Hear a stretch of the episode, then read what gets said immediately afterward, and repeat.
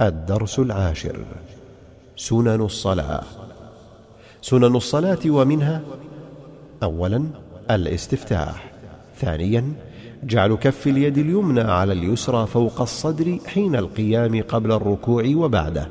ثالثا رفع اليدين مضمومتي الأصابع ممدودة حذو المنكبين أو الأذنين عند التكبير الأول وعند الركوع والرفع منه وعند القيام من التشهد الأول إلى الثالثة.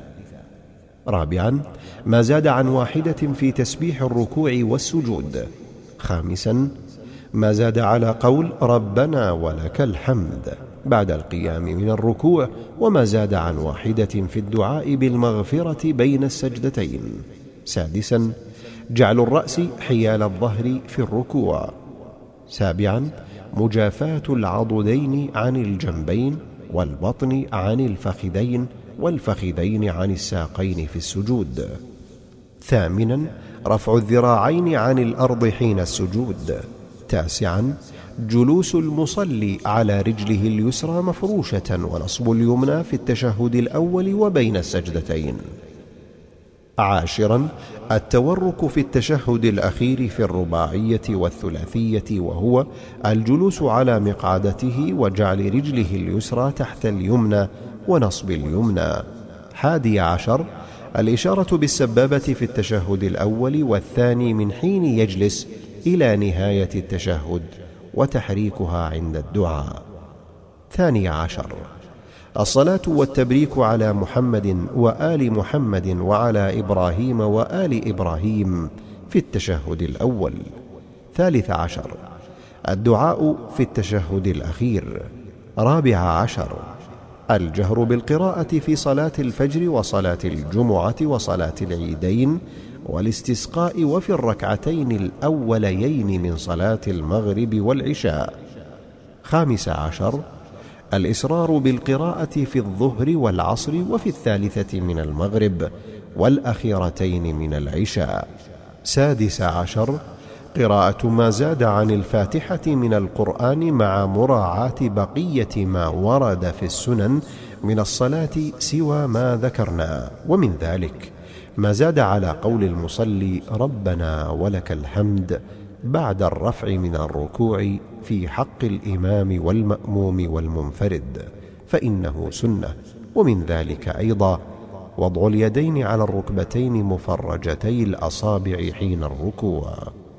ثم قال حفظه الله تعالى الدرس العاشر في سنن الصلاة. ومنها الاستفتاح لحديث أبي هريرة رضي الله عنه قال كان رسول الله صلى الله عليه وسلم إذا كبر الصلاة سكت هنيهة. يعني شيئا قبل أن يقرأ فسألته فقال أقول اللهم باعد بيني وبين خطاياي كما باعدت بين المشرق والمغرب. اللهم نقني من خطاياي كما ينقى الثوب الأبيض من الدنس. اللهم اغسلني بالماء والثلج والبرد. وهذا الحديث متفق عليه. وعن عمر رضي الله عنه أنه كان يقول سبحانك اللهم وبحمدك وتبارك اسمك وتعالى جدك ولا إله غيرك. رواه مسلم. وهناك أدعية واستفتاحات ثبتت عنه عليه الصلاة والسلام غير هذين. وكما قلنا في التشهد الاختلاف بينها ليس باختلاف تضاد ليختار واحد منها. وإنما اختلاف تنوع فينبغي للمصلي أن يراوح بينها.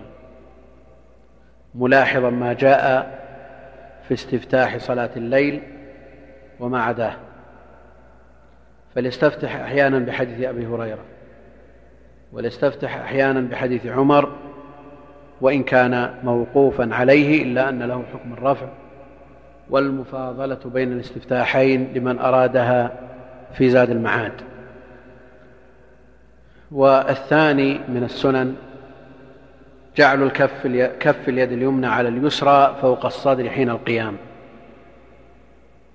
لحديث وائل بن حجر قال صليت مع النبي صلى الله عليه وسلم فوضع يده اليمنى على يده اليسرى على صدره.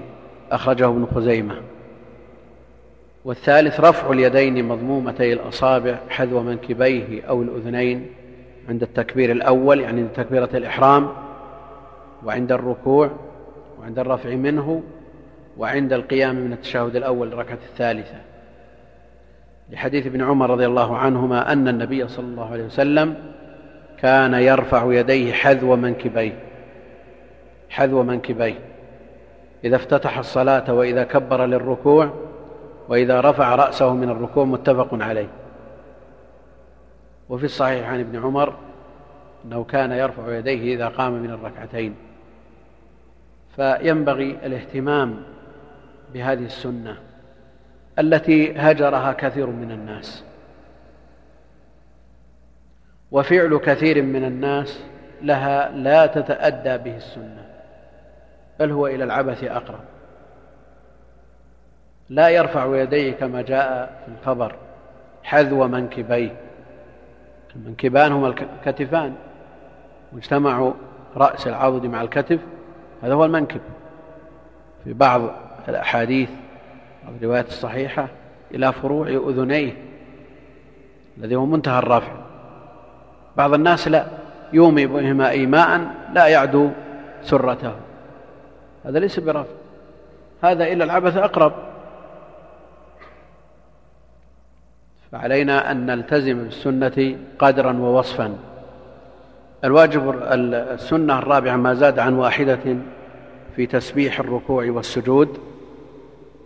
لما روى سعيد بن جبير عن أنس قال ما صليت وراء أحد بعد رسول الله صلى الله عليه وسلم أشبه صلاة به من هذا الفتى يعني عمر بن عبد العزيز. قال فحزرنا في ركوعه عشر تسبيحات وفي سجوده عشر تسبيحات رواه أحمد وأبو داود والنسائي. المقصود أن القدر الواجب فيما تقدم التسبيح مرة واحدة. يتأدى به الواجب. يسقط به الطلب. لكن المستحب فوق ذلك. فهذا أنس بن مالك يقول إن أشبه الناس صلاة برسول الله صلى الله عليه وسلم هذا الفتى يعني عمر بن عبد العزيز أمير المؤمنين. فقدروا وحزروا تسبيحاته في الركوع والسجود بعشر تسبيحات. والخامس ما زاد عن واحدة في الدعاء بالمغفرة بين السجدتين وتقدم من حديث حذيفة أنه عليه الصلاة والسلام كان يقول رب اغفر لي رب اغفر لي. والسادس جعل الرأس حيال الظهر في الركوع. وتقدم في بيان الركوع وكيفيته في الأركان وأنه يمد ظهره يحصر ظهره يعني يثنيه ويمده باستواء ولا يقنع رأسه ولا يصوبه عليه الصلاة والسلام. السابع مجافاة العضدين عن الجنبين والبطن عن الفخذين في السجود لحديث أبي حميد في صفة صلاة رسول الله صلى الله عليه وسلم وفيه وإذا سجد فرج بين فخذيه غير حامل بطنه على شيء من فخذيه وفي حديث ابن بحينة كان صلى الله عليه وسلم إذا سجد يجنح في سجوده حتى يرى بياض إبطيه. وهو مخرج في الصحيح وغيره. الثامن رفع الذراعين عن الأرض حين السجود. لحديث عائشة وفيه وكان ينهى أن يفترش الرجل ذراعيه افتراش السبع. أخرجه مسلم. افتراش السبع. كان ينهى أن يفترش الرجل ذراعي افتراش السبع.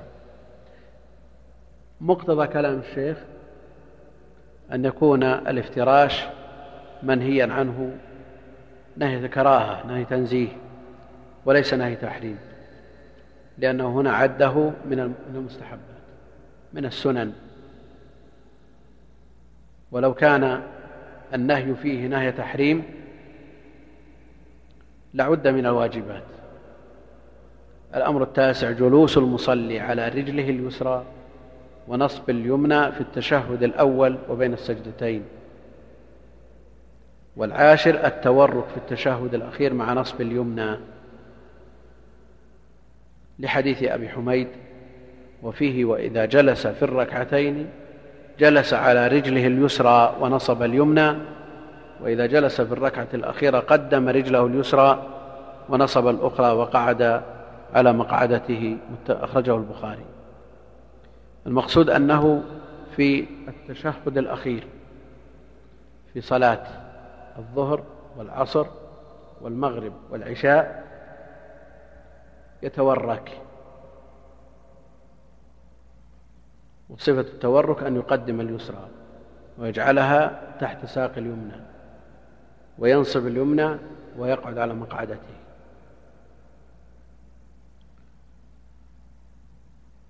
وأما التشهد الأول والجلوس بين السجدتين فإنه يفترش يجلس يفرش رجله اليسرى ويجلس عليها وينصب اليمنى. هذا ما يدل عليه حديث أبي حميد وهو مذهب الحنابلة.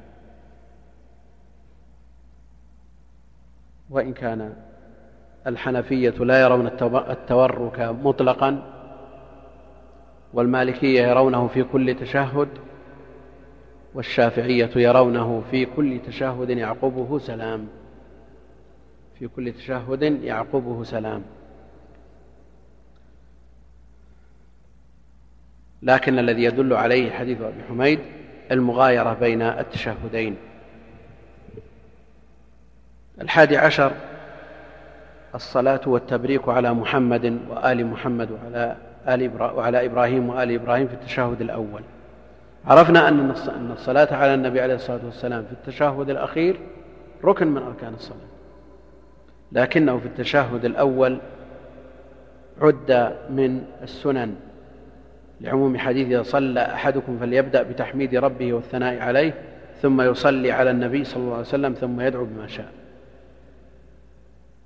الثاني عشر الدعاء في التشهد الأخير وتقدمت الإشارة إليه ثم ليتخير من المسألة أو من الدعاء أعجبه إليه. هذا سنة. وتقدم التمثيل له من حديث معاذ وأبي بكر رضي الله عنهما. والثالث عشر من السنن الجهر بالقراءة في صلاة الفجر وفي الركعتين الأوليين من صلاة المغرب والعشاء لأن النبي صلى الله عليه وسلم كان يفعل ذلك. ومثلها الجمعة يجهر فيها بالقراءة. هذا من السنن. ومن السنن الإسرار بالقراءة في الظهر والعصر وفي الثالثة من المغرب والأخيرتين من العشاء. لحديث أبي سعيد الخدري رضي الله عنه قال كنا نحزر قيام رسول الله صلى الله عليه وسلم في الظهر والعصر فعزرنا قيامه في الركعتين الأوليين من الظهر قدر ألف لام ميم تنزيل السجدة وفي الركعتين الأخريين قدر النصف من ذلك وفي الأوليين من العصر على قدر الأخريين من الظهر والأخريين على قدر النصف من ذلك رواه مسلم. وثبت أنه عليه الصلاة والسلام كان يسمعهم الآية أحيانا في الظهر والعصر. الثالث عشر والرابع عشر الجهر والإسرار في القراءة. من السنن. فلو أسر في صلاة الصبح أو جهر في صلاة الظهر صلاته صحيحة أو باطلة؟ صلاته صحيحة. لأن السنة حقيقتها ما يثاب على فعله ولا يعاقب على تركه. ما يثاب على فعله ولا يعاقب على تركه فالصلاة حينئذ صحيحة لكن لو تعبد بذلك قال لا أنا عندي الإصرار في صلاة الصبح أفضل قلنا أنت مبتدئ وتأثم في ذلك. ومثله لو جهر في صلاة الظهر أو العصر متعبدا بذلك أو كان ديدنه ذلك؟ قلنا لا. لكن لو وقع منه أحيانا قلنا الصلاة صحيحة لكنه خلاف الأولى. فالمستحب أن يجهر في صلاة الصبح وصلاة الجمعة وفي الركعتين الأوليين من المغرب والعشاء ويسر فيما عدا ذلك. الخامس عشر قراءة ما زاد عن الفاتحة من القرآن. قال صاحب المغني لا نعلم خلافا في أنه يسن قراءة سورة مع الفاتحة في الأوليين. مع مراعاة بقية ما ورد من السنن في الصلاة سوى ما ذكر كقوله مثلا بعد ربنا ولك الحمد ملء السماوات وملء الأرض وملء ما شئت من شيء بعد هذا سنة لأنه ورد. التعوذ والبسملة أيضا سنتان. على القول بأن البسملة ليست من الفاتحة وأما إذا قلنا إنها من الفاتحة فحكمها حكمها. تعوذ البسملة قبل القراءة وبعد الاستفتاح وغير ذلك مما لا يتسع المقام لذكره.